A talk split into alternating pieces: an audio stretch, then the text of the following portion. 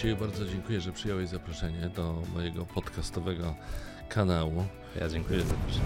Uczę się podcastów, wiesz, y, jest ciekawe z tymi podcastami zresztą, no bo jest taki boom podcastowy i no, niedawno pomyślałem o tym w ten sposób. Kiedyś się mówiło, jeszcze parę lat temu, a może wciąż się mówi, że sytuacja na rynku czytelniczym jest dosyć specyficzna, ponieważ wszyscy piszą książki, ale nikt nie czyta książek. tak. Mam nadzieję, że tak nie jest z podcastami. Oczywiście to, to jest e, przesada, no bo jednak nie wszyscy e, nagrywają podcasty, a już na pewno nie wszyscy nagrywają podcasty systematycznie i tak dobrze jak ty i nie wszyscy mają takie Dziękuję. doskonałe pomysły jak, jak twój pomysł, czyli pomysł na dział zagraniczny. I teraz tak, jeśli chodzi o dział zagraniczny, to mam do ciebie pytanie następujące, bo z tego, co widziałem y, w Twoich wypowiedziach, które gdzieś tam przeczytałem, i z tego, co słyszałem w Twoich wywiadach, których udzielałeś, rozumiem, że w którymś momencie wkurzyłeś się na media tradycyjne, stwierdziwszy, że one nie mają czasu na ciekawe rzeczy, które się dzieją na świecie, i dlatego przeszedłeś na tę drugą stronę, czyli na stronę nowych mediów, założyłeś podcast, to było parę lat temu.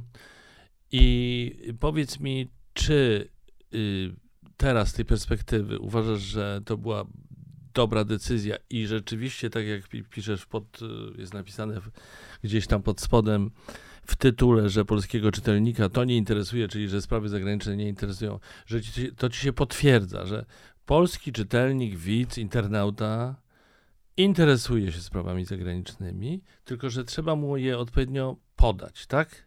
tak, no ja od początku tak twierdziłem, bo przez lata pisałem do mediów, stąd polski mhm. czytelnik, bo zanim był podcast, to był blog, który tam w pewnym momencie wyglądał trochę jak serwis informacyjny. Tam co tydzień pojawiały się artykuły, które ja sam pisałem na tematy ze świata, o których wiedziałem, że nie da się ich opublikować, bo usłyszę tę właśnie odpowiedź, że polskiego czytelnika to nie interesuje.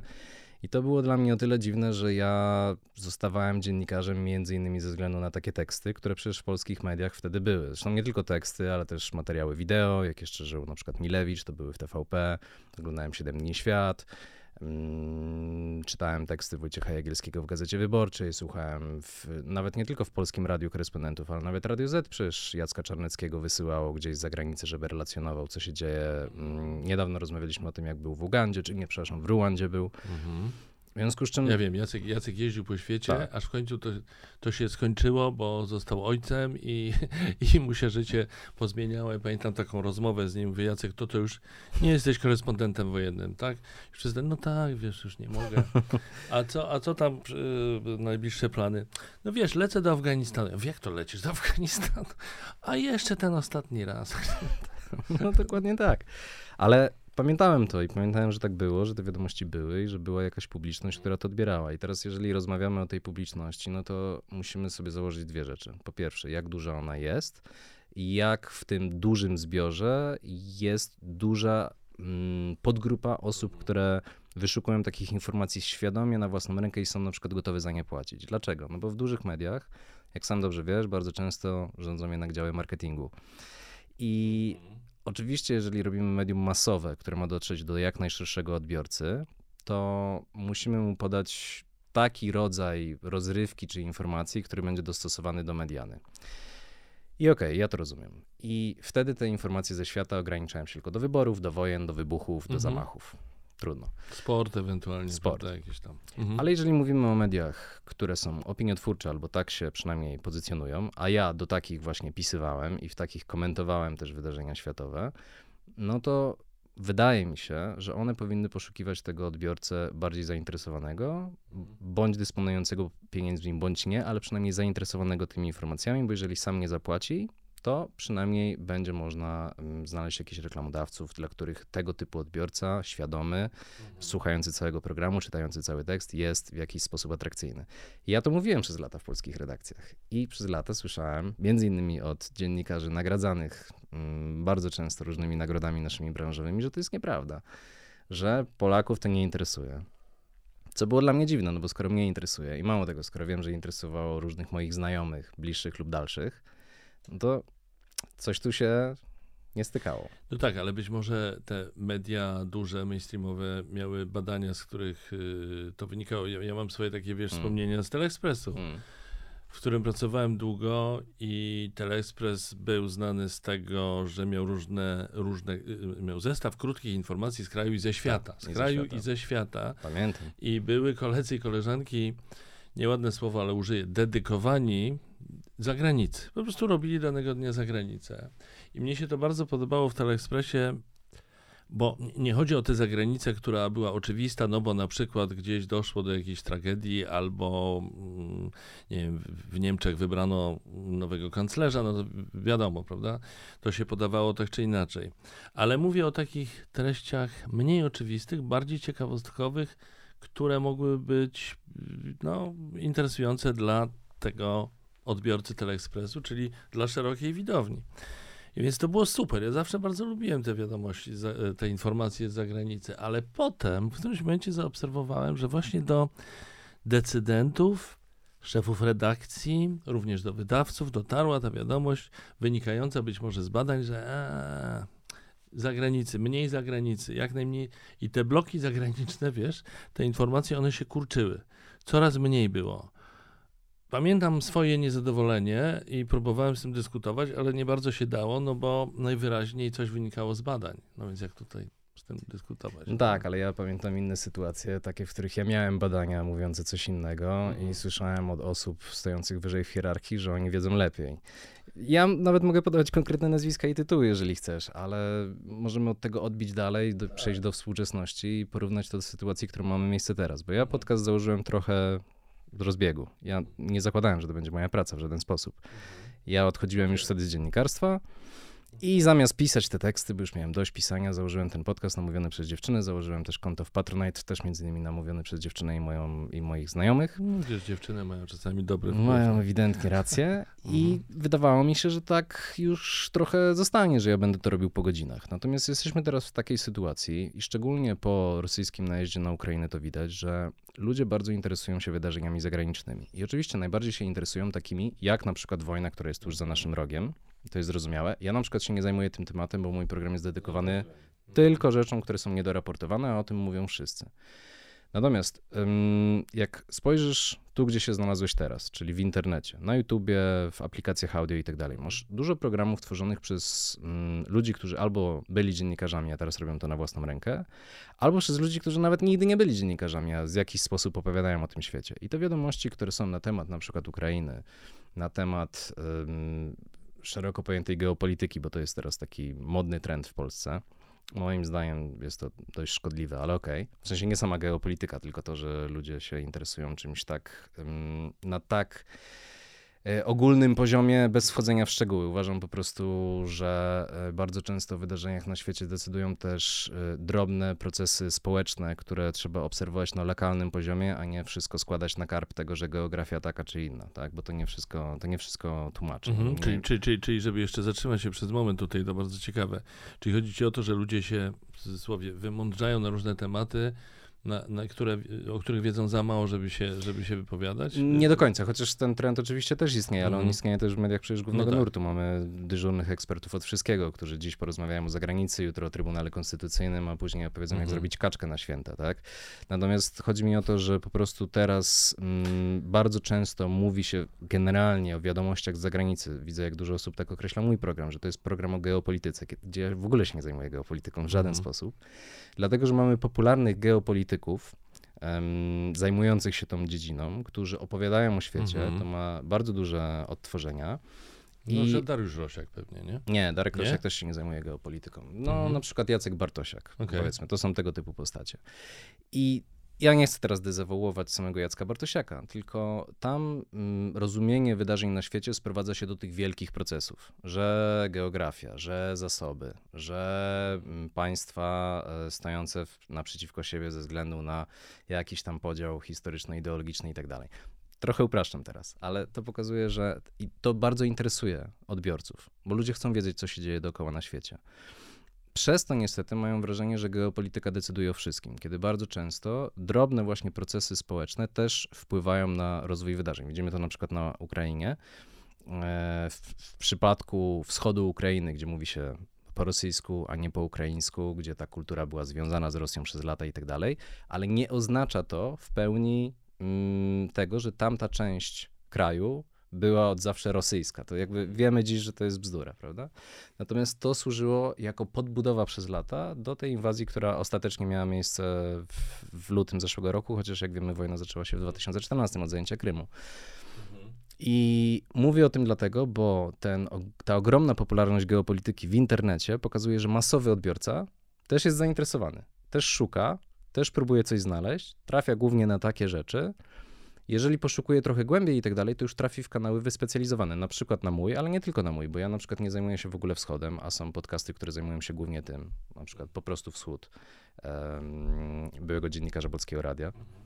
Wiesz co, no jest więcej, jest, jest ośrodek studiów wschodnich, który jest prowadzony przez świetnych analityków, gdzie też bardzo lubię słuchać e, tych programów. Jest wspomniany przez ciebie Darek Krosiek, który zajmuje się generalnie szeroko pojętymi wydarzeniami na świecie, nie tylko politycznymi, ale tymi aktualnymi. Ja na przykład sięgam po rzeczy, które, o których i to zresztą pokazują trendy w moim podcaście, ludzie odsłuchują odcinków po roku czy po dwóch i w dalszym ciągu te odcinki są dla nich aktualne, bo mówimy o jakimś szerszym zjawisku. Wychodzimy od jakiegoś zdarzenia, które miało miejsce teraz, ale rozmawiamy szerzej o przyczynach i, i, i zdarzeniach. I to jest super zresztą, bardzo to trzeba docenić i bardzo ci serdecznie gratuluję. Dziękuję. Jeżeli tu możemy zrobić dygresję Dobrze. teraz... E, ja się do tego odniosę, co powiedziałeś. Dlaczego gratuluję? Dlatego, że tego się świetnie słucha, to po pierwsze. Po drugie, masz Dziękuję. świetnych. No, wiem, czasami robisz sam sam mu y, opowiadasz o jakimś, y, jakiejś sprawie, ale na ogół masz ekspertów, którzy są też, nie wiem jak ty to robisz, bo oni nie tylko, że są merytoryczni, ale oni też świetnie mówią. Nie trafiłem jeszcze na żadnego twojego gościa, czy na żadną gościnę, która by, wiesz, nie dawała rady w sensie opowiadania. Więc się świetnie uzupełniacie. I to jest fantastyczne, i to są te tematy, które może ja, ja, być może wśród moich widzów widzów są też takie osoby, które jeszcze nie znają Twojego y, podcastu, więc mam kilka przykładów właśnie tytułów, pod, y, tematów podcastowych. Czy Węgry poradzą sobie bez programu Erasmus? To jest y, ze stycznia tego roku. finansowanie. Tak, tak. tak. I, i, i mówimy o, o, o Węgrzech, mówimy w różnych aspektach, na przykład komentując wypowiedzi Wiktora Orbana, ale mało mi się wydaje, w ogóle wiemy o, o, o tym kraju, i, a tu nagle jest spojrzenie od tej strony. Ja wysłuchałem tego podcastu. W ogóle taka gama tematów, w ogóle takie spojrzenie niesamowite. Dalej. Dlaczego, dlaczego Bahamy postawiły wszystko na kryptowaluty? Gdzieś ta informacja gdzieś pojawiła się w mediach jakiś czas temu, ja zwróciłem na to uwagę, bo to jest ten kraj, który tylko ma kryptowaluty? Dobrze? Nie, nie, to nie ma takiego kraju na świecie, chociaż jest Salwador, który A, wprowadził Salwador, bitcoina do obrotu równolegle do e, dolara. Natomiast e, w przypadku Bahamów chodzi o to, że tam upadła trzecia największa na świecie giełda wymiany kryptowalut. I to był wielki skandal i dużo się o tym mówiło, bo mnóstwo ludzi straciło mnóstwo pieniędzy. Ale ja z moim gościem, to jest dr Bartosz Wójcik z Uniwersytetu Marii Curie Skłodowskiej w Lublinie, mhm. rozmawiamy o czymś innym. Nie rozmawiamy o tej giełdzie, bo o tym dużo też było w polskich mediach, bo to też interesuje polskich internautów, którzy też inwestują między innymi w kryptowaluty. Natomiast my chcieliśmy porozmawiać o kraju Bahamy. Dlaczego w pewnym momencie ten kraj postawił gospodarczo na przyjmowanie tego typu firm i umożliwił im prawnie działanie w bardzo szerokim zakresie? I z czego to wynika i co na przykład upadek tej giełdy oznacza dla Bahamów, bo to jest temat, o którym się w ogóle nie mówi um, szerzej, a są ku temu bardzo poważne powody historyczne i wydarzenia z ostatnich trzech lat, które na to wskazują. No i proszę bardzo, to jest tylko przykład. Maciej opowiada tutaj o, o tym, dlaczego, skąd ten temat, a zwykły odbiorca mediów, taki statystyczny, przeciętny, to by nie wpadł na to, że to w ogóle jest temat do rozmowy, jak i ten kolejny, jak właściciel Gruzji paraliżuje ją największymi drzewami świata. Chodzi o baobaby. To przecież to, to jest temat, którego no, nie, nie wymyślilibyśmy sobie od tak po prostu. Zaraz, zaraz y, powiem ci, dlaczego przytaczam te kilka mhm. tematów. Przykładowo oczywiście. A ja może jeszcze tylko wyjaśnię przy tej no. Gruzji, no. bo bardzo często właśnie temat, od którego wychodzimy, jest trochę pretekstem do innej rozmowy. Tak. W tym przypadku ze Stasią Budzisz, która jest moją rozmówczynią i autorką świetnej książki o Gruzji.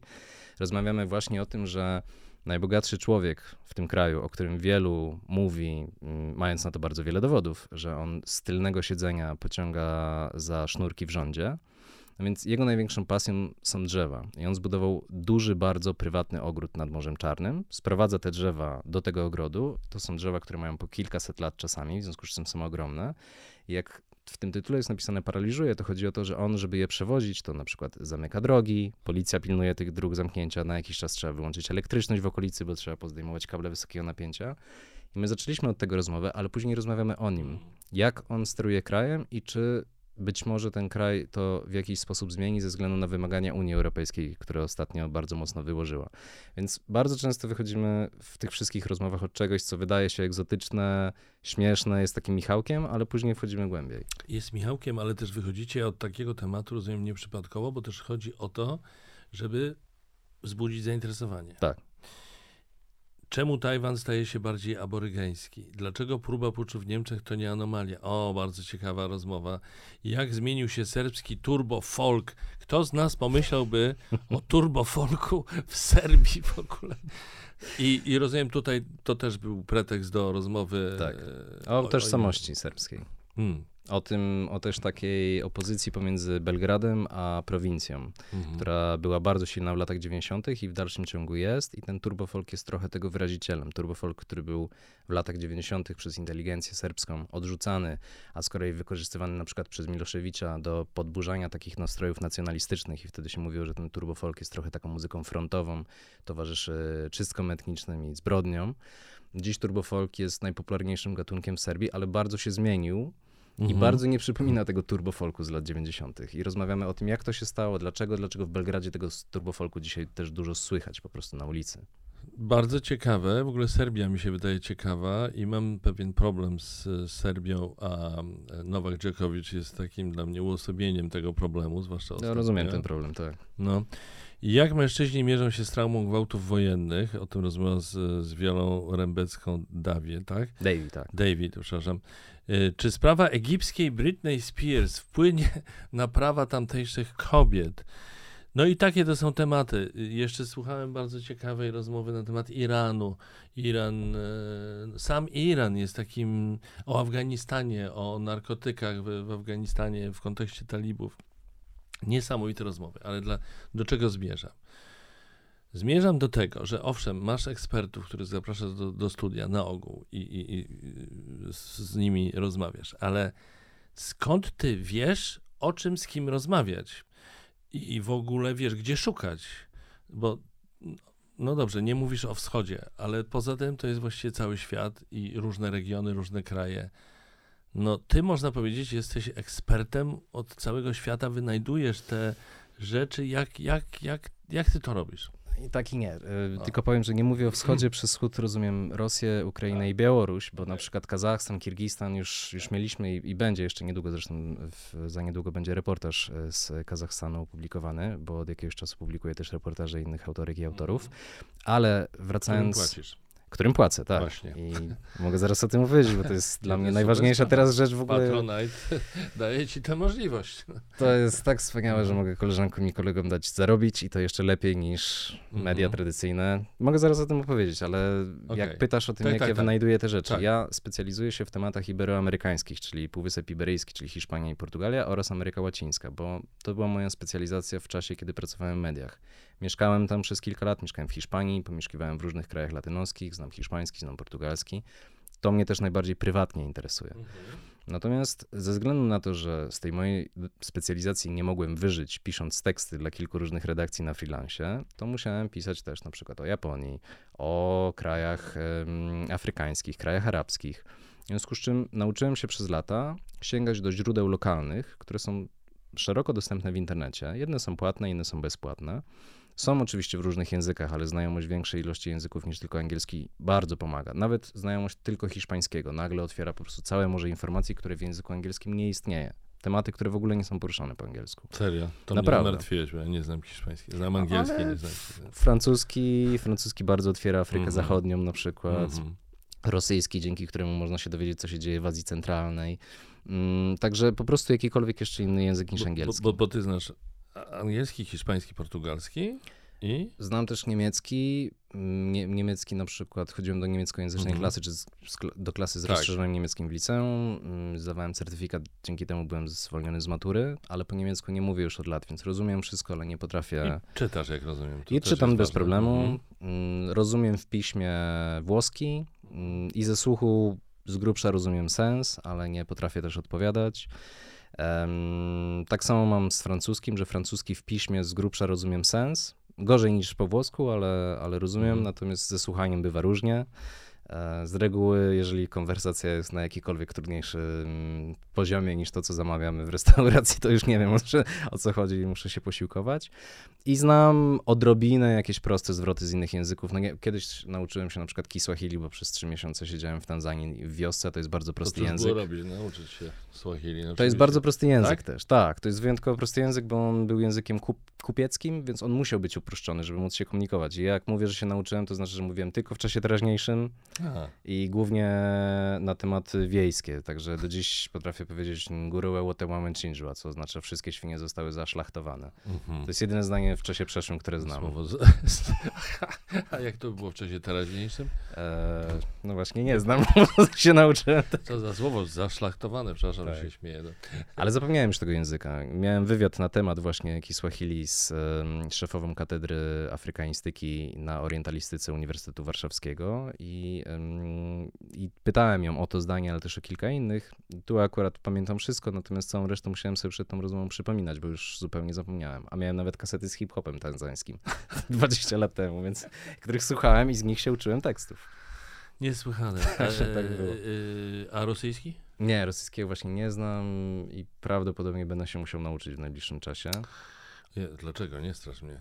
No, żeby lepiej na przykład porozumiewać się z y, Ukraińcami, którzy przyjeżdżają tak, do Polski, no a tak, którzy często mówią po rosyjsku Tak. ym, i żeby ułatwić sobie tą komunikację. Jasne, jasne. A żeby skończyć jeszcze tylko wątek, to ci powiem w skrócie, że ja korzystam ze specjalnych narzędzi, które sprawiają, że zaciągają mi się wiadomości z tych mediów lokalnych, o których mówiłem. Ja mam je pogrupowane regionami, czyli na przykład właśnie Ameryka Łacińska, osobno Karaiby, osobno Afryka Subsaharyjska, osobno świat arabski i tak dalej, i tak dalej. I codzienna moja praca to jest właśnie to. Ja siadam i przez 3-4 godziny przeglądam to wszystko, Okej. robię sobie Mhm. archiwum offline i w momencie, w którym znajdę jakiś temat, uznam, że ten temat jest interesujący, często jest tak, że co jakiś czas zapisuję sobie coś i po jakimś czasie widzę, że to wraca. I myślę Mhm. sobie, okej, to już o tym słyszałem pół roku temu, rok temu, to jest fajne. Potem robię research wstępny, żeby zobaczyć, czy to w ogóle jest temat, czy to tylko takie powtarzanie, bo często jest przepisywanie od siebie nawzajem. Ktoś coś napisał, ktoś inny to powtarza pół roku później, więc muszę sprawdzić, że to nie jest tego typu przypadek. Jeżeli się okazuje, że to jest jakiś temat, to wtedy przystępuję do głębszego researchu i ten mi może zająć od dwóch dni, jeżeli to jest na przykład kraj, na którym się znam, do dwóch tygodni, jeżeli to jest na przykład Kirgistan, na którym się nie znam nie znam rosyjskiego, ani też kirgiskiego przecież nie znam. W związku z czym pomagam sobie wtedy z tłumaczem Google'a, z różnymi źródłami, staram się mm, skrosować, czy ta informacja na przykład powtarza się gdzieś po angielsku, po hiszpańsku. I jak już mam ten główny research zrobiony, to na jego podstawie robię konspekt, czyli przygotowuję sobie taki scenariusz, jak ja bym to opowiedział mojej dziewczynie, żeby jej nie Mhm. zanudzić po dwóch zdaniach. Hmm, dobry test. Musimy Mhm. wejść od tego, przejść do tego, przejść do tego. Jak mam już ten konspekt rozpisany, to wtedy szukam rozmówców i jeżeli znajdę Mhm. kogoś takiego, czasami to trwa bardzo długo, czasami niektóre osoby mnie odsyłają do kolejnej, kolejnej, kolejnej, wysyłam te konspekty i mówię, że chciałbym porozmawiać o tym i o tym. Jeżeli taka osoba uzna, że jest wystarczająco kompetentna i się na tym zna i znajdzie dla mnie Mhm. czas, to się spotykamy i rozmawiamy. Czasami muszę poczekać, tak jak na przykład na profesor dr Viola Davy, która właśnie mówiła o tych gwałtach na mężczyznach. Ona żyje i pracuje w Nowym Jorku, w związku z czym napisałem do niej w lutym, a rozmawialiśmy w listopadzie. Czekałem, aż przyjedzie do Polski. A, ja bo- rozmawiam tylko na żywo. No właśnie. Mhm. No i często się zdarza, że nie znajduję w ogóle rozmówców i o duża część tematów odpada. Zdarza się tak? Bardzo często. Bardzo często. Bardzo nawet. często. Ja mam katalog, w którym mam przygotowane w tej chwili 90 potencjalnych tematów, do których nie znalazłem rozmówców. Ale dlaczego? Bo ich brakuje w Polsce? Tak. Po prostu. Tak, często to są tematy, które są specjalistyczne, czyli na przykład mm, chciałem porozmawiać o Jakuzie. Był, Jakuza przechodzi, czyli zorganizowana przestępczość w Japonii, przechodzi dość duży problem ze swoją współczesną tożsamością, ze starzeniem się starych gangsterów i z tym, że nowi nie działają w taki sposób jak dawniej, ale też stosunki społeczne się bardzo zmieniły. I mamy wielu świetnych specjalistów od Japonii w Polsce, bardzo wielu. Natomiast nikt z nich nie zna się na tym akurat temacie, w związku z czym musiałem to porzucić. Mm, A z kolei nie myślałeś, jeszcze nie myślałeś o tym, żeby szukać ekspertów z zagranicy. Tak. Myślałem tylko, że jak ja robię ten program, to myślę na przykład o mojej babci, już nieżyjącej, która była prostą kobietą ze wsi i skończyła 6 klas podstawówki, a z nią oglądałem wspomniane 7 dni świat, więc zawsze ten program jest w języku polskim, żeby osoby, które nie znają języka obcego, nawet angielskiego w wystarczającym stopniu, żeby tego typu informacje wyszukać na własną rękę, żeby mogły tego wysłuchać i żeby to było dla nich w jakiś sposób wartościowe. Natomiast to, co zaczęło się dziać z czasem, to jest to, że ta suma na tym patronajcie zaczęła rosnąć, bo osoby, które słuchają, wspierają. W niewielkiej ilości, bo ym, 2% słuchaczy tylko wpłaca mi na patronajcie. Mhm. A ilu masz patronów? Nie Yy, sprawdziłem tego, przepraszam. 2900 Bardzo dużo. coś, nie Bardzo pamiętam. dużo. To sporo, Prawda? ale wciąż jest to zdecydowana mniejszość osób słuchających. Ale Mhm. taka jest idea, żeby te wszystkie treści były za darmo ogólnie dostępne. Tak jak na przykład w bibliotece. Ktoś może pójść do, do biblioteki, zapisać się i za darmo wypożyczyć książkę. Więc samo to wsparcie i tak jest bardzo cenne. I mm, ponieważ ta suma zaczęła w pewnym momencie bardzo rosnąć i ponieważ ja nagle, ku mojemu własnemu zdziwieniu, w trakcie pandemii stwierdziłem, że ja już nie muszę pracować gdzieś indziej, Mhm. tylko mogę robić tylko to, Później, jak to zaczęło mm, w dalszym ciągu puchnąć, to e, stworzyłem osobny, os, osobne pieniądze, odkładam. Dzielę te pieniądze na trzy części. Jedna część to jest moja pensja, Mhm. jedna część to jest opłacanie wszystkich bieżących rachunków Mhm. i wreszcie trzecia część to jest fundusz, który robię na dodatkową działalność. I najpierw z tego funduszu zacząłem opłacać własne wyjazdy reportażowe. Właśnie zresztą wróciłem w ten weekend z pierwszego w tym roku, który mam zamiar opublikować w ciągu dwóch, trzech tygodni, mam nadzieję. Gdzie Tam- to było? to było na Malcie. Nie chcę mówić jeszcze jaki temat, ale on będzie też, on ma trochę odniesienie do Polski, ale też jest współczesny. Rzecz się dzieje teraz i pojechaliśmy porozmawiać z Maltańkami głównie, bo rozmawialiśmy tylko z kobietami. Mówię my, bo ja i zabrałem jeszcze ze sobą operatora, e, bo teraz, jeżeli ja robię reportaż, to on ma trzy wersje. Jest pisany, bo to jest w dalszym ciągu ta forma, która dla mnie jest najlepsza, bo ja jestem dziennikarzem, który pisze. Mm, Jest nagrywany, bo nagrywamy te wywiady i tak dalej, więc to jest taki trochę audioreportaż, chociaż ja dopiero się uczę, jak to robić, więc to jeszcze nie jest na tym poziomie, na jakim chciałbym, żeby było.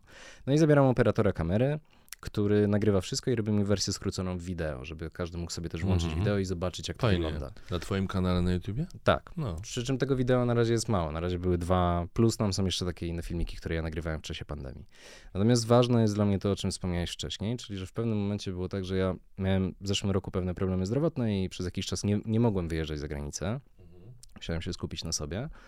A ten fundusz w dalszym ciągu był. I ja doszedłem do wniosku, że to jest bez sensu, żeby te pieniądze leżały i żeby się nic z nim nie działo. A ponieważ sytuacja w mediach, jak sam dobrze wiesz, jest taka, że po raz kolejny są zwolnienia grupowe we wszystkich tytułach, po raz kolejny są obniżone honoraria, szczególnie dla współpracowników zewnętrznych, to stwierdziłem, ok, to ja mogę stworzyć takie miejsce, gdzie będę publikował te rzeczy. I napisałem do reporterek i reporterów, których znałem, że będę im płacił za te reportaże.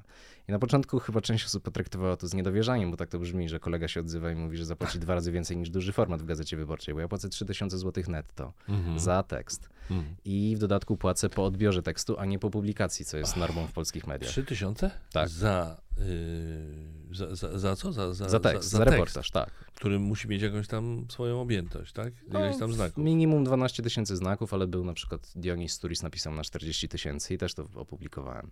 Mm, Przecież nie znam się na tych stawkach, ale wydaje mi się, że 3000 netto to jest taka bardzo godna zapłata. To jest powyżej stawki rynkowej, chociaż Tak. moim zdaniem jest poniżej tego, co powinni dostawać ci reporterzy za to, Mm. że są na miejscu, bo to nie są teksty Tak. pisane z zabiórka w Właśnie. Warszawie. Są osoby, pierwsza, pierwszy reportaż, który opublikowałem, nieznanej jeszcze szerzej reporterki, Domy Matejko, fantastycznie znającej się na Kolumbii i na Wenezueli. I tak się zresztą poznaliśmy, no bo to jest też mój, okres, mój obszar specjalizacji, a ja nie mam takiej potrzeby, żeby zagarniać to, że jak ja się tym zajmuję, to nikogo do tego nie dopuszczę. Czy potrafisz delegować?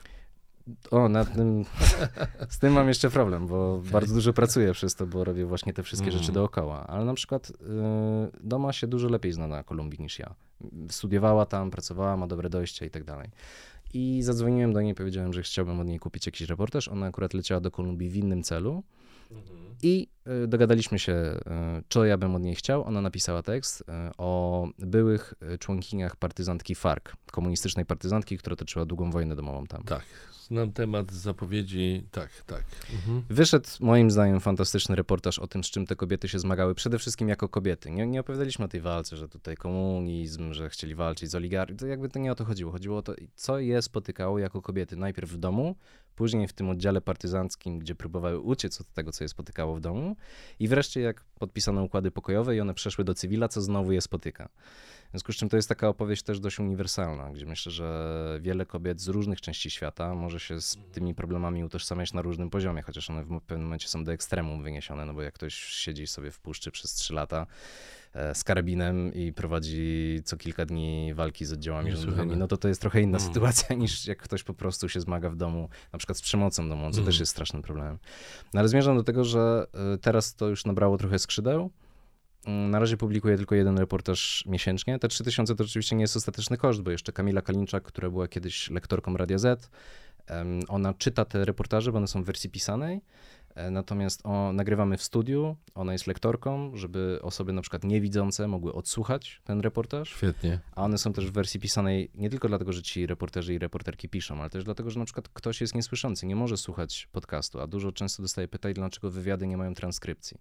Dlatego, że jak sam dobrze wiesz, transkrypcja jeden na jeden sprawia, że rozmówcy wyglądają jak para idiotów, bo trzeba to poddać redakcji, zanim się to wydrukuje w, w, w prasie na przykład. Mhm.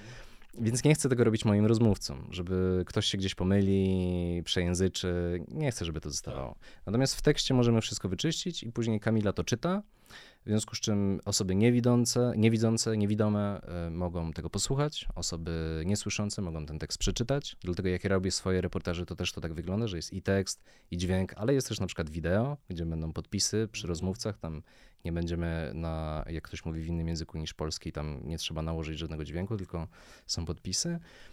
I to wszystko się rozrasta. Na razie jest jeden reportaż w miesiącu, plus będą dochodziły teraz te moje.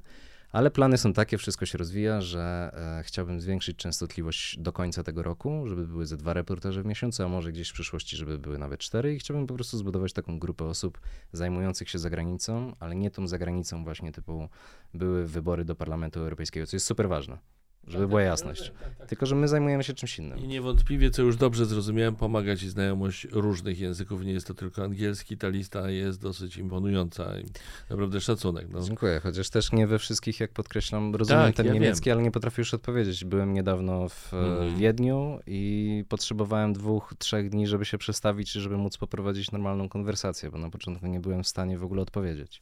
Macieju, potrzebowałeś dwóch, trzech dni, żeby się przedstawić, ale potem już to robiłeś, no. proszę cię, no. pojedziesz tak, do Tanzanii dwa, trzy dni i mówisz Swahili. No. no nie, no tam potrzebowałbym pewnie z miesiąca, żeby sobie przypomnieć, ale, mhm. ale tak.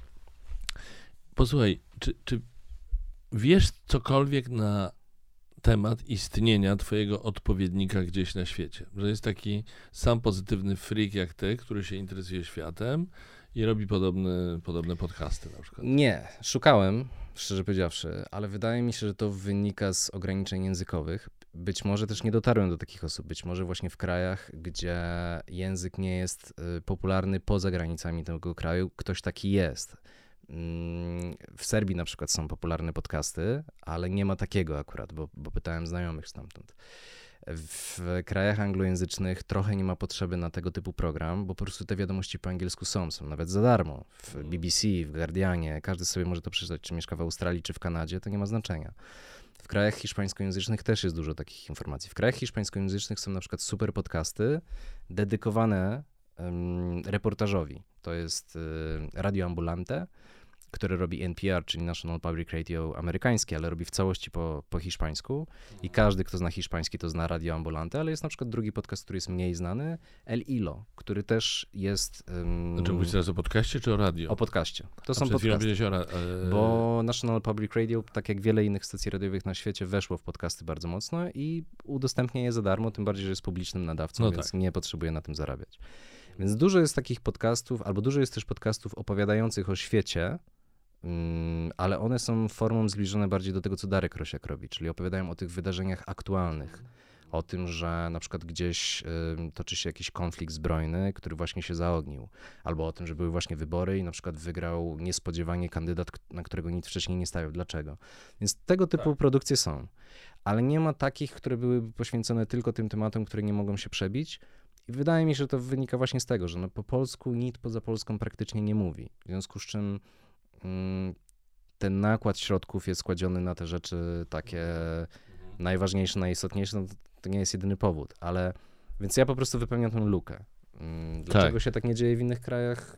Może jeszcze no, po prostu na to nie trafiłem, ale, ale tam, gdzie szukałem w tych językach, które znam, po prostu czegoś takiego nie ma. No, czy trochę odpowiedziałeś, mówiąc o tym, że w niektórych miejscach na świecie ten dostęp do tego typu informacji jest i w związku z tym być może dlatego nikt nie wpadł na pomysł, żeby taki podcast założyć. No ale wyobraźmy sobie, że załóżmy gdzieś powiedzmy w tej Kolumbii, o której mówiliśmy, y, jest jakiś ktoś, jakiś człowiek, który prowadzi podcasty i mówi o różnych rzeczach y, z całego świata, również w Europie, i załóżmy, że on przygląda się również Polsce. To co, co Twoim zdaniem, jako wiesz, fachowca, mogłoby go w naszym kraju zainteresować?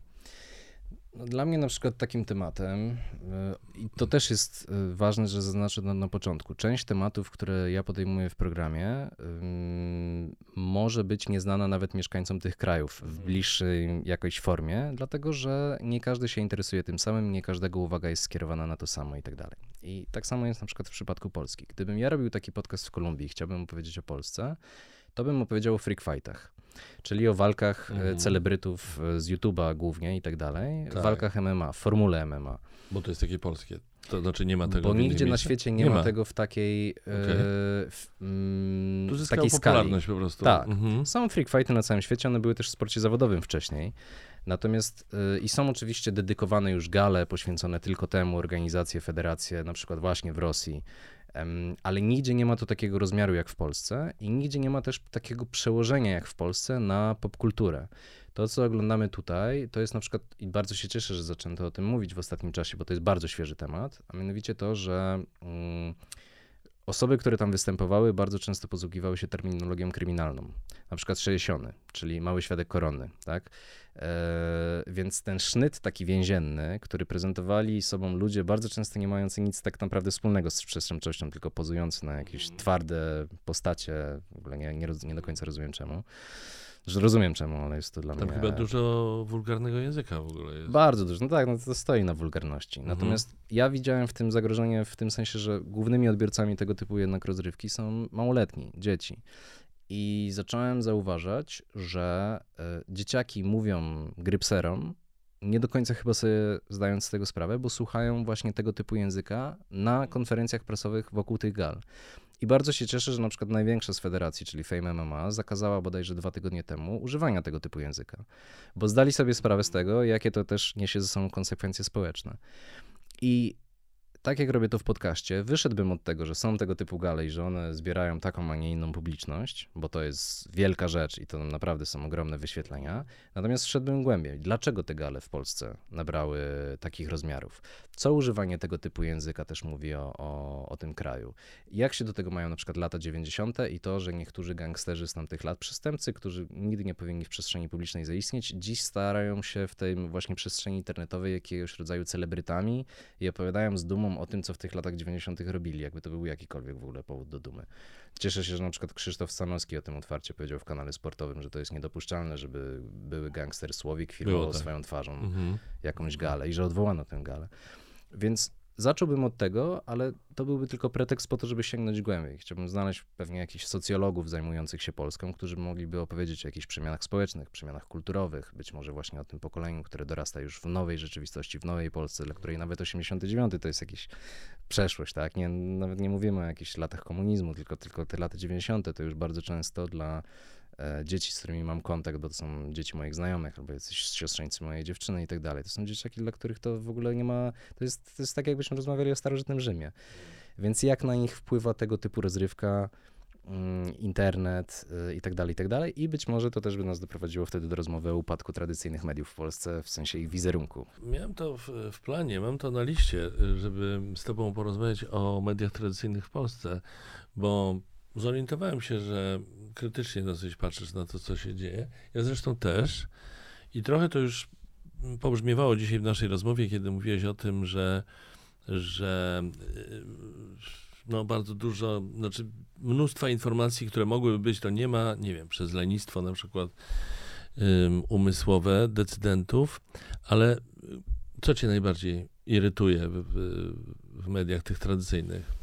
U nas. Mówisz w warstwie informacyjnej, czy ogólnie w mediach? Um... Jeszcze jedno i drugie, szczerze mówiąc. W wersji informacyjnej to, to nie wiem, czy jest coś takiego specyficznego w Polsce, ale zostawmy kwestie oczywiście polityczne mm -hmm. i tak dalej, tak, propagandowe. Nie, nie, nie, ja, ja mogę ci, ja, ja, może ci powiem, co ja myślę o telewizji. Ciekaw jestem twoje o telewizji. Otóż, znaczy o radiu to też mam swoje przemyślenia, bo radio, komer stacje komercyjne, ja ich w ogóle nie słucham, mnie tak irytują, że ja nie mam po co słuchać stacji komercyjnych, bo jak mam słuchać muzyki, to sobie wpuszczam w czasach w Spotify. No tak, no. Po prostu to nie ma sensu. To już jeżeli, no to jak jadę samochodem, no to włączam albo podcasty, albo włączam y, stację radiową, która mówi do mnie. No i tam ewentualnie mogę coś znaleźć. Natomiast telewizja, no to jest tak, że co jakiś czas muszę obejrzeć trochę telewizji, żeby wiedzieć, zobaczyć, co tam się dzieje. No i co zobaczyłem w polskiej telewizji w programach informacyjnych, pomijając teraz przekaz. Y, I w tej, i w tej stacji zobaczyłem coś takiego, a wiesz, rzadko oglądam, co mi się wydawało, że już jest pasetem. Jest tak pod krawatami, sztywno, sztywny język, rzadko, mało uśmiechu, yy, jakieś takie nienaturalne zachowanie, sztywne zapowiedzi, i wszystko jest jakieś takie, i takie ogromne studia oni mają i tam ten jeden człowiek siedzi i tak mówi i do takiej pustki jakieś, nie wiem o co chodzi. Potem widziałem, y, czasem oglądam amerykańskie stacje, to tam mi się wydaje, że to idzie z kolei w drugą stronę, że tam jest za dużo że to jest nieludzkie z innego powodu, że tam jest, wiesz, takie bodźcowanie odbiorcy na zasadzie nie można mu dać chwili spokoju, bo jeszcze się przełączy na inny kanał, więc go tu podkręcamy. Mówimy głośno, energicznie. Ten reporter, z którym się łączymy, zasuwa po prostu nie, w niesamowity sposób. Trzy paski, jeden stoi, drugi idzie, trzeci idzie szybciej. I jeszcze jak można, to jeszcze coś tam damy w obrazku. Więc takie są moje przemyślenia. I dlatego na przykład cieszę się, że mam kanał na YouTubie, bo ja tam mogę robić po prostu to, co lubię i mówić po swojemu i zachowywać się w sposób, wydaje mi się, naturalny i autentyczny. A ty? Jakie masz przemyślenia? Ja po pierwsze też rzadko oglądam telewizję, bo mam telewizor w domu tylko po to, żeby oglądać Netflixa, bo po latach oglądania tak czegokolwiek jest. na małym laptopie tak. Moje oczy już nie dają rady. Natomiast nie mam stacji telewizyjnych, oglądam je, jeżeli jestem gdzieś, na przykład u rodziców, mhm. albo gdzieś na jakimś wyjeździe, albo w knajpie jest telewizor i wtedy mam tą przypadłość, że nie mogę się od tego oderwać, bo jest to dla mnie fascynujące. Tak, to jest podobna sprawa, też tak mam właśnie. Zwłaszcza reklamy mnie fascynują, bo jak nie oglądasz tego na co dzień, to mhm. później fakt, że te reklamy są tak powtarzalne i jak duża ich ilość dotyczy problemów na przykład gastrycznych, mhm. jest dla mnie pewnym jednak odkryciem. Więc mam dwie uwagi. Pierwsza jest taka, dość ogólna, do programów informacyjnych wszelkiej maści. Pomijam właśnie kwestie polityczne i propagandowe, natomiast jak oglądam ja z kolei dużo informacji z Hiszpanii i na przykład tamte e, wiadomości w telewizji publicznej. I one też bardzo często mówią o rzeczach, które są tragiczne, e, o zabójstwach, o właśnie wojnie. Cały czas są korespondencje z Ukrainy o wypadkach. Tam też tego typu informacje są, a tam trzeba podkreślić, wiadomości w głównym dzienniku trwają godzinę. Od 9, czyli od 21 do 22. 15 minut to jest sport, ale 45 minut to są informacje. Mówisz o stacji jakiej? TVE, czyli pub te telewizja publiczna. publiczna. Tak. E, ale też programy informacyjne w innych stacjach też trwają znacznie dłużej niż u nas. Natomiast zmierzam tylko do tego z tą opowieścią, zwróciła mi na to uwagę moja dziewczyna, jak byliśmy kilka tygodni temu znowu w Hiszpanii, bo dość regularnie jeździmy, bo to jest dla nas ważny kraj, mieszkaliśmy tam parę lat. I oglądaliśmy te wiadomości i też było natężenie jakiejś takiej tragedii. Natomiast oni podają informacje w spokojny sposób. I to jest tak, że ona mi zwróciła uwagę na to, że jak na przykład ogląda fakty, e, gdzieś właśnie jak jesteśmy u kogoś, to czuję się poddenerwowana po tych dwudziestu paru minutach, Mhm. że wszystko jest na takim wysokim C. A tam się czuje poinformowana.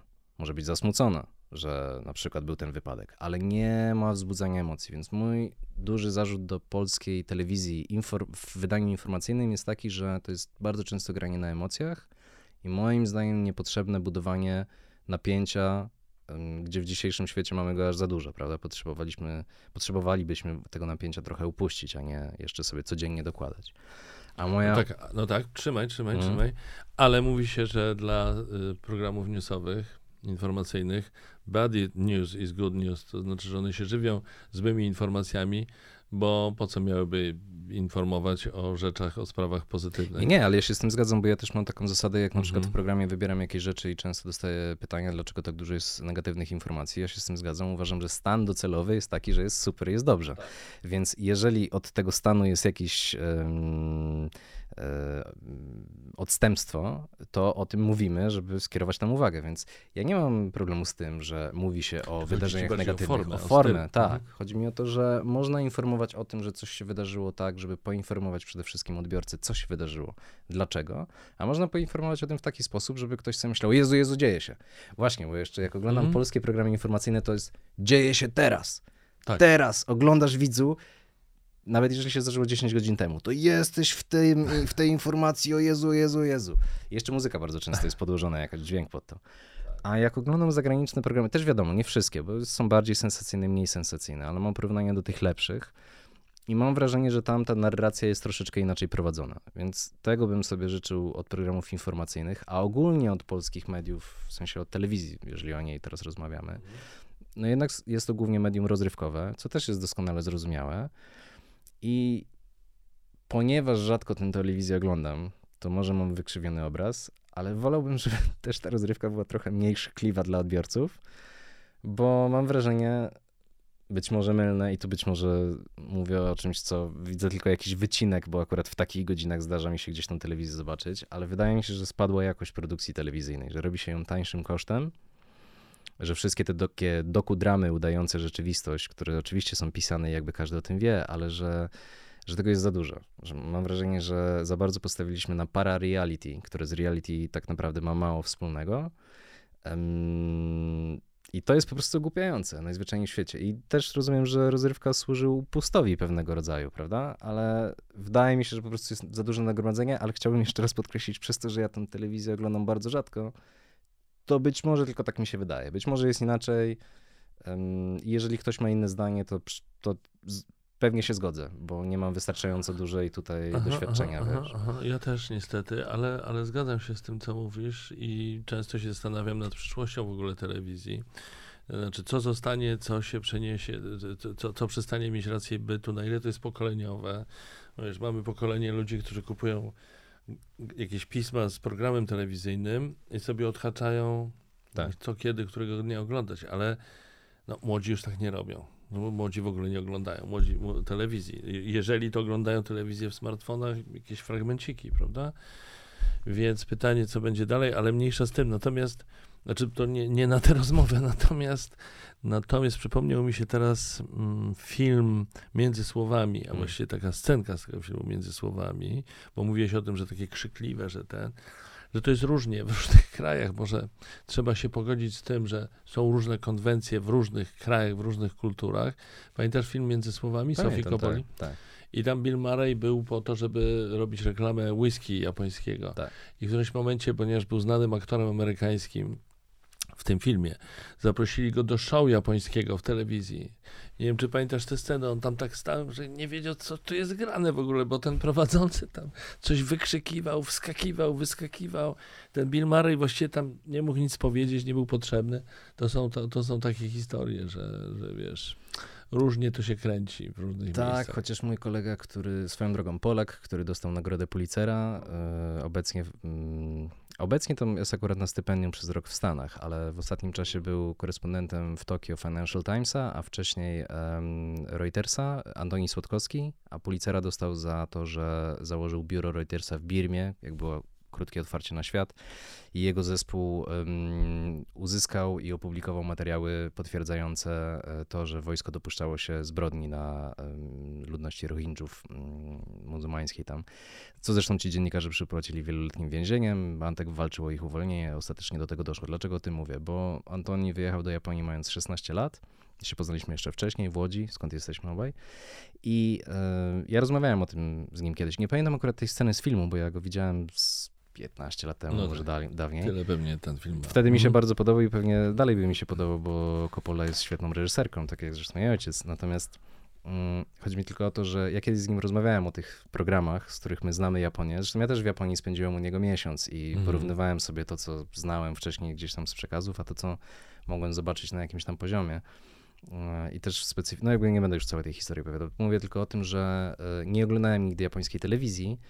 Antek mówi, że ona owszem jest bardzo głupia, bardzo często, ale że w zachodnim świecie mamy trochę spaczone pojęcie. Wydaje nam się, że cała ta telewizja to są tego typu programy, a one są pewnym wycinkiem. Są bardzo obecne i mają bardzo dużą oglądalność, przynajmniej miały przed laty ale że nie cała telewizja japońska tak wygląda. Natomiast jak wygląda dokładnie, to pewnie jego trzeba by pytać, mhm. E, albo kogoś, kto po prostu japońską telewizję ogląda, ja, ja tylko śledzę serwisy informacyjne. Myślę, że, po, że podobnie może mogą niektóre programy w telewizji wyglądać, telewizyjne wyglądać w Korei Południowej mhm. z kolei. Tak mi się wydaje, że tam jakieś takie szaleństwo może się odbywać. A twoim zdaniem telewizja jak przetrwa?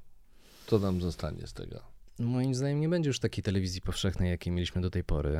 Chociaż oczywiście mogę się mylić, bo też nie jestem przedstawicielem tego pokolenia, które czerpie swoje wiadomości już w zupełnie inny sposób. Ja wciąż sięgam do mediów tradycyjnych pod wieloma względami, tylko po prostu w innej formie. No, jeżeli nie sięgam na przykład do telewizji takiej no, nadawanej na żywo, ale sięgam do serwisów BBC internetowych, sięgam do CNN-u bardzo często i do wielu innych tego typu programów, do wspomnianego TVE, na przykład hiszpańskiego też, albo nawet Sexty, też hiszpańskiej, bo mają ciekawe reportaże społeczne na swoich stronach, znaczy publikują je na żywo, ale ja je oglądam na ich stronach internetowych. Natomiast zmierzam do tego, że mm, wydaje mi się, że odeszła już w przeszłość taka telewizja, która była jednocząca dla całej jakiejś grupy kulturowej, językowej. Czyli kiedyś, jak ja oglądałem Macieja Orłosia w Teleekspresie, to każdy oglądał Macieja Orłosia w Teleekspresie. Tak było, no. No tak było. Jasne. A dziś, jeżeli jest jakiś Maciej Orłoś w Teleekspresie, nie wiem, bo nie widziałem Teleekspresu od 10 lat, ale podejrzewam, że tak jak ja nie wiem, kim jest dzisiejszy Maciej Orłoś Teleekspresowy, tak znaczna część Polski też tego nie wie, bo niekoniecznie ogląda ten Teleekspres. I kiedyś po prostu, jak coś się emitowało w telewizji, w jednym z tych głównych kanałów, czy publicznych, czy tvn czy Polsacie, to była bardzo duża szansa, że później porozmawiamy o tym następnego dnia w szkole na przykład, albo ktoś w pracy, gdziekolwiek. To już odeszło, tego nie ma. Jest fragmentaryzacja rozrywki oraz informacji. I teraz pytanie, ponieważ te stacje telewizyjne należą bardzo często do prywatnego kapitału, inną rozmowę to są media publiczne, to jest w ogóle temat oczywiście bez to teraz. Mhm. Natomiast y, kapitał będzie zarabiał, firmy, korporacje chcą zarabiać i znajdą sposób na zarabianie. W jaki sposób się przeniosą do internetu, na przykład na TikToka, albo do jakiejś innej aplikacji, przecież TikToka też jeszcze kilka lat temu nie było, a co będzie na przykład za 2-3 lata, zobaczymy. Zresztą no, już nie będę wchodził w ten temat, ale zmierzam do tego, że Co moim się zdaniem... chciałeś powiedzieć? Czy, tak, bo jest taki super teraz artykuł w Wired, który polecam właśnie osobom, które są moimi patronami, wysyłam taki newsletter i wysyłam różnego rodzaju artykuły i właśnie i właśnie w tym tygodniu mam zamiar wysłać ten tekst z Wired, który czytałem, że TikTok wszedł już w taką fazę, w jakiej na przykład był już Amazon i Facebook, czyli z fazy gromadzenia publiczności, przeszedł teraz do fazy pokazywania firmom, właśnie reklamodawcom, że mają tę publiczność i są w stanie jej dostarczyć jej uwagę na konkretne produkty, konkretne reklamy. W związku z czym, tak jak do tej pory się mówiło, że TikTok ma najlepszy algorytm na świecie, najlepiej wykrywający najszybciej, jakie są Twoje upodobania i ci będzie pokazywał właśnie tego typu treści, jak się już Ciebie nauczy po tam przetresowaniu go przez tam parę godzin tak teraz coraz częściej jest tak, że zaczynasz dostawać treści, które nie są zgodne konkretnie z Twoimi zainteresowaniami albo w jakimś stopniu odbiegają, ponieważ są sztucznie puszowane przez firmę, która jest właścicielem TikToka w Chinach, a robią to po to, żeby przetestować właśnie system reklamowy, żeby móc robić tak, jak robi na przykład Facebook, gdzie jak dziś wejdziesz na Facebooka, dlatego ja już nie korzystam z niego praktycznie, tylko z Messengera, wejdziesz na walla Facebooka i masz cały zalew treści, które nie są treściami, które sam wybrałeś, które są ci serwowane jako reklama. Ja mhm. też zresztą z tego powodu, że zajmuję się światem, jestem bombardowany regularnie propagandą kremlowską. na Facebooku, którą zgłaszam cały czas jako e, hate speech wobec e, Mhm. narodowości ukraińskiej. To jest oczywiście propaganda podprogowa, ale... Ale co znaczy, że jesteś bombardowany propagandą prorosyjską, prokremlowską? W sensie, Czyli co? wchodzę, na, wchodzę na Facebooka, scrolluję sobie na wallu Tak. i tu powiedzmy moja koleżanka wrzuciła zdjęcie swojego dziecka, gdzieś tam niżej mój kolega wrzucił zdjęcie swojego psa, a pomiędzy nimi na przykład jest e, strona, która nazywa się World, po prostu, świat, a są tam zdjęcia Władimira Putina, który głaszcze małe dzieci. Albo na przykład y, regularnie dostaję powiadomienia ku pamięci tej, jak ona miała na imię, Duginy w każdym razie, córki Dugina, Tak. która została zabita w zamachu.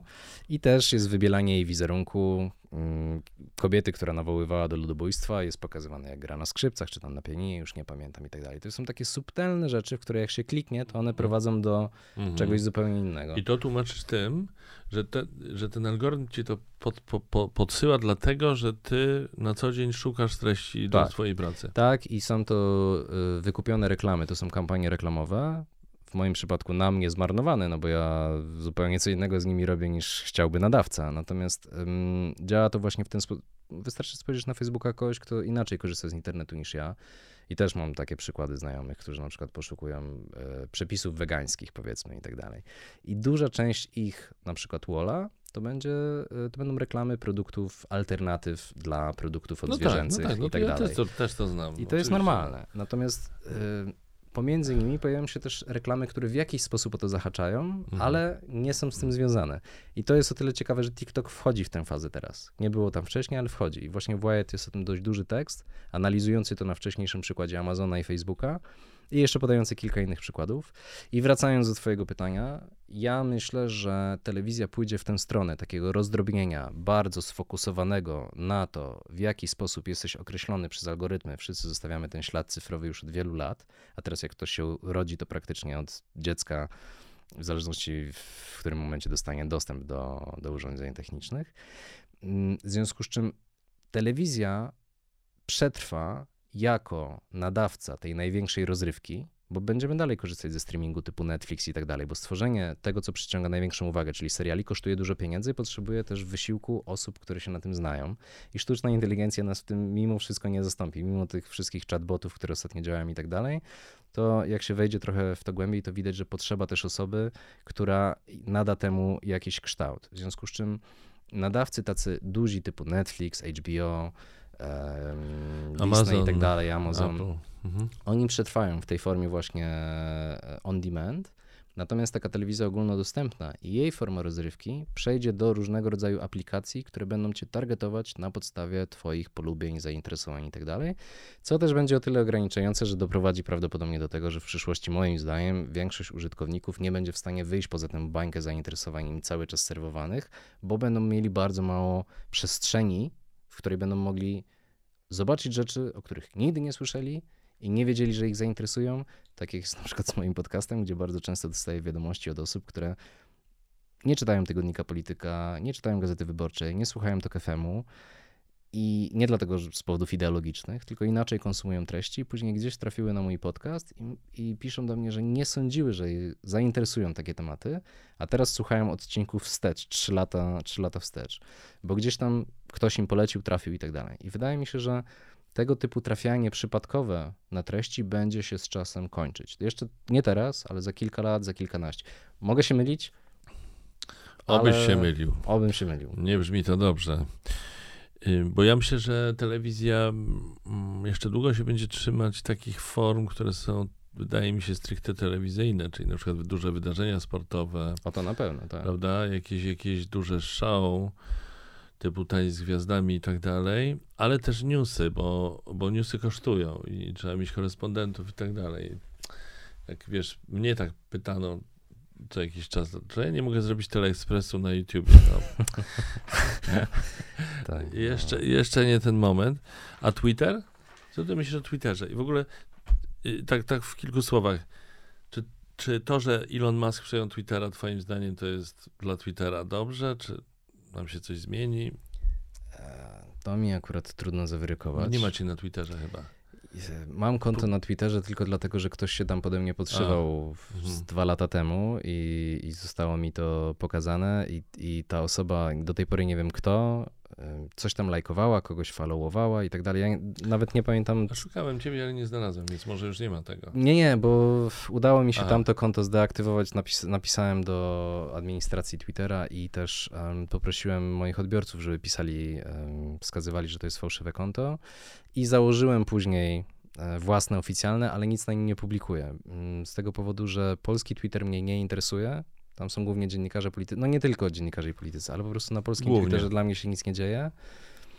I mam Jest inne kanały dużo dotarcia. hejtu zresztą, bardzo dużo hejtu, strasznie. Natomiast dość często korzystam z Twittera zagranicznego, zagranicznych dziennikarzy, em, dlatego że, tylko że ja nie szukam newsów. Tylko wiem, że osoby czasami, które śledzę, reporterzy, reporterki na tym Twitterze wrzucają na przykład linki do swoich materiałów, które publikują w różnych mediach. I tam wyszukuję jakieś rzeczy w, w ten sposób. Nie korzystam z Twittera jako narzędzia do poszukiwania newsów, bo mam do tego inne dedykowane narzędzia i nie jest mi on w związku z tym potrzebny. A czy Elon Musk coś zmieni? Czy coś zmieni? Na pewno, no bo już zaczął zmieniać, ale czy to będzie dobra zmiana? To nie Trudno jestem w stanie zawyrokować, bo ja po prostu z tego Twittera nie korzystam. Tu pewnie Sylwia Czubkowska, która jest teraz jedną z ważniejszych redaktorek w Spiderswebie, by była w stanie powiedzieć, bo ona się zajmuje technologiami i wiem, że to śledzi na bieżąco i mam bardzo ciekawe spostrzeżenia. Tak, bo ja ciebie z rozpędu zapytałem, zapomniałem, że, ty, że cię nie ma na Twitterze, Nie mam, tym nie. polskim, więc Jestem tylko, żeby może- mi ktoś nie zajął konta, tylko po to.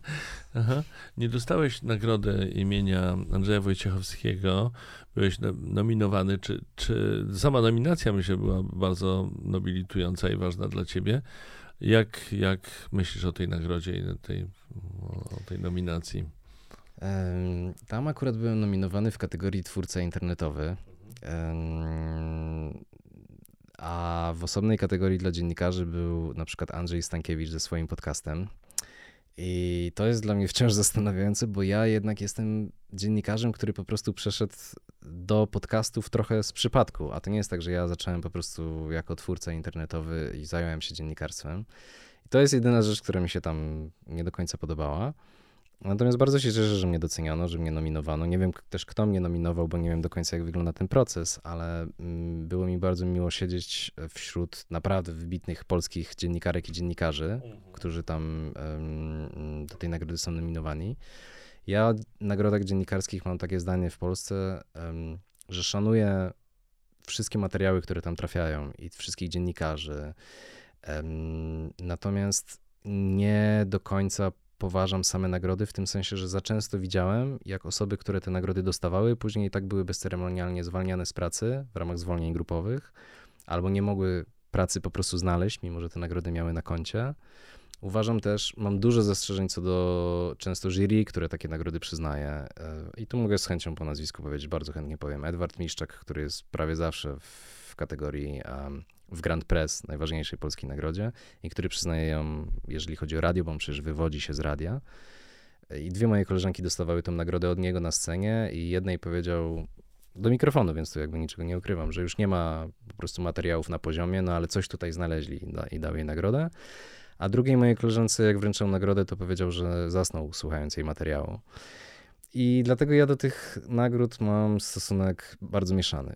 Bardzo było mi miło, że zostałem doceniony i naprawdę poczułem tak, takie, nie wiem, takie ciepło tak. rozpływające się, jak siedziałem i spojrzałem w lewo i zobaczyłem osoby, które bardzo szanuję i spojrzałem w prawo i zobaczyłem osoby, które bardzo szanuję ich pracę. E, I to, I to było dla mnie bardzo, to było super. Natomiast uważam też, że nie warto się do nagród przywiązywać, tylko trzeba pracować na rzecz tego, żeby w oczach odbiorców wykonywać rzetelną, dobrą pracę, którą oni doceniają. Mm, I tyle. Ale, ale miło zawsze, że koledzy i koleżanki po fachu gdzieś tam dostrzegają. Tak. Ja myślę, że to z większością nagród tak właśnie jest. I to powiedziałeś coś takiego, jakby to powiedzieć, co może i brzmi mm, banalnie, ale to jest prawda. Że, że nagrody z całym szacunkiem, ale nie, nie po to robimy to, co robimy. No, Zwłaszcza, że one na ogół są pro bono. No to nie, nie ma tam, to nie jest nagroda. Nobla, może. ale to na marginesie. Dobra, bardzo dziękuję. Maciej Okraszewski, twórca y, kanału Dział Zagraniczny był moim, y, nie kanału, tylko podcastu, przepraszam, źle powiedziałem, No, z, z będzie, rozpędu. Wiesz, będzie wideo, No, będzie również kanału. serwisu. Również kanał, ale przede wszystkim, przede wszystkim podcastu Dział Zagraniczny był moim gościem. Dziękuję Ci bardzo Macieju, życzę powodzenia we wszystkich Dziękuję Twoich działaniach. bardzo serdecznie za zaproszenie, było mi bardzo miło.